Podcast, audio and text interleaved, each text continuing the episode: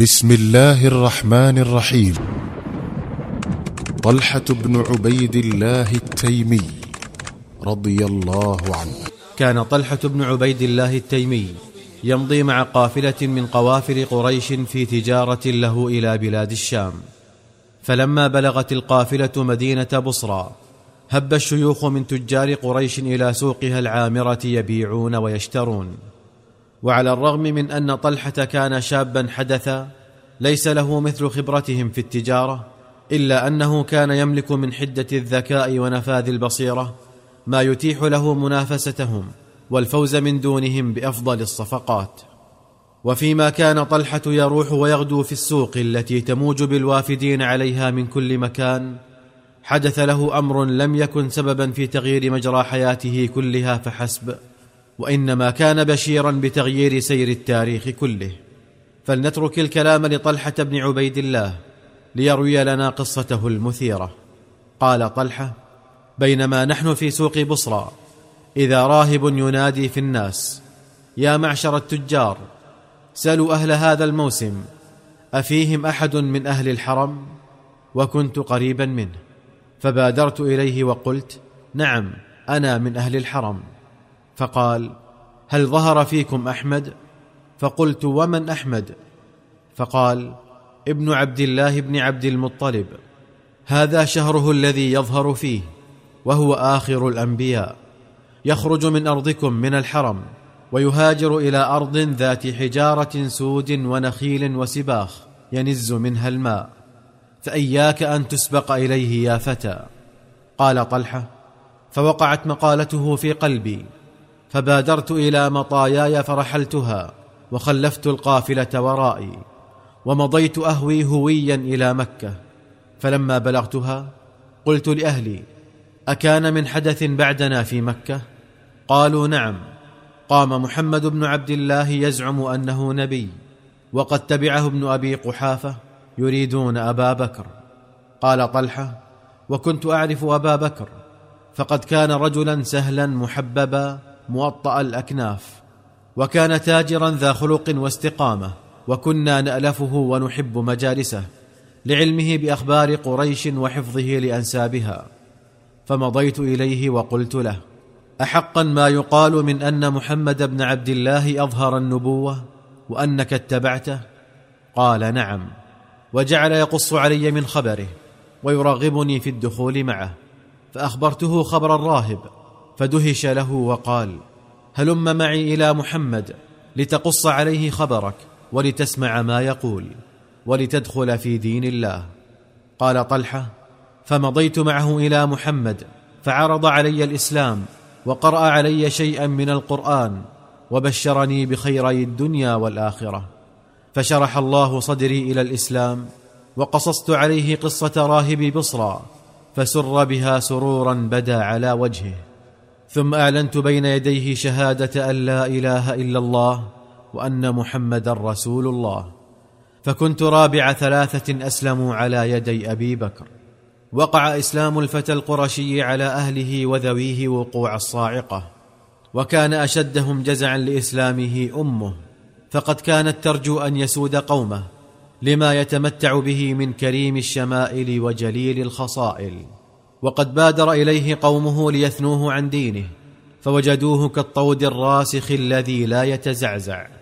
فلما يئسوا من إقناعه بالحسنى لجأوا إلى تعذيبه والتنكيل به.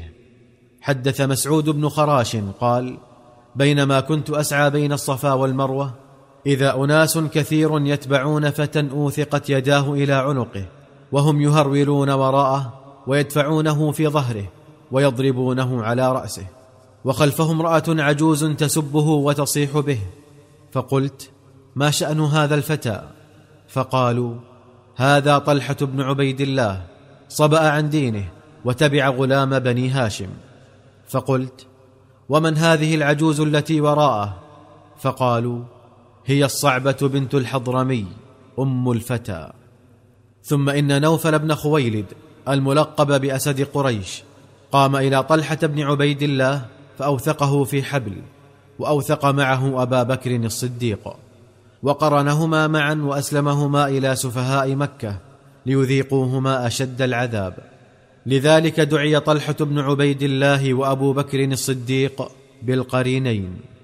ثم جعلت الأيام تدور والأحداث تتلاحق وطلحة بن عبيد الله يزداد مع الأيام اكتمالا. وبلاؤه في سبيل الله ورسوله يكبر ويتعاظم وبره بالإسلام والمسلمين ينمو ويتسع حتى أطلق عليه المسلمون لقب الشهيد الحي ودعاه الرسول عليه الصلاة والسلام بطلحة الخير وطلحة الجود وطلحة الفياض. ولكل من هذه الألقاب قصة لا تقل روعة عن أخواتها. أما قصة تلقيبه بالشهيد الحي فكانت يوم أحد. حين انهزم المسلمون عن رسول الله صلى الله عليه وسلم ولم يبق معه غير أحد عشر رجلا من الأنصار وطلحة بن عبيد الله من المهاجرين. وكان النبي عليه الصلاة والسلام يصعد هو ومن معه في الجبل فلحقت به عصبة من المشركين تريد قتله. فقال عليه الصلاة والسلام من يرد عنا هؤلاء وهو رفيقي في الجنة؟ فقال طلحة أنا يا رسول الله.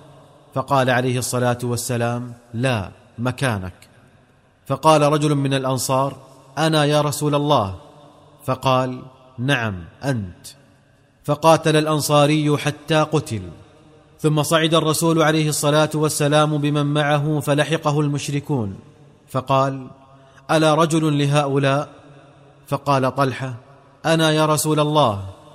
فقال عليه الصلاة والسلام لا مكانك. فقال رجل من الأنصار أنا يا رسول الله. فقال نعم أنت. ثم قاتل الأنصاري حتى قتل أيضا. وتابع الرسول صعوده فلحق به المشركون. فلم يزل يقول مثل قوله ويقول طلحة أنا يا رسول الله فيمنعه النبي.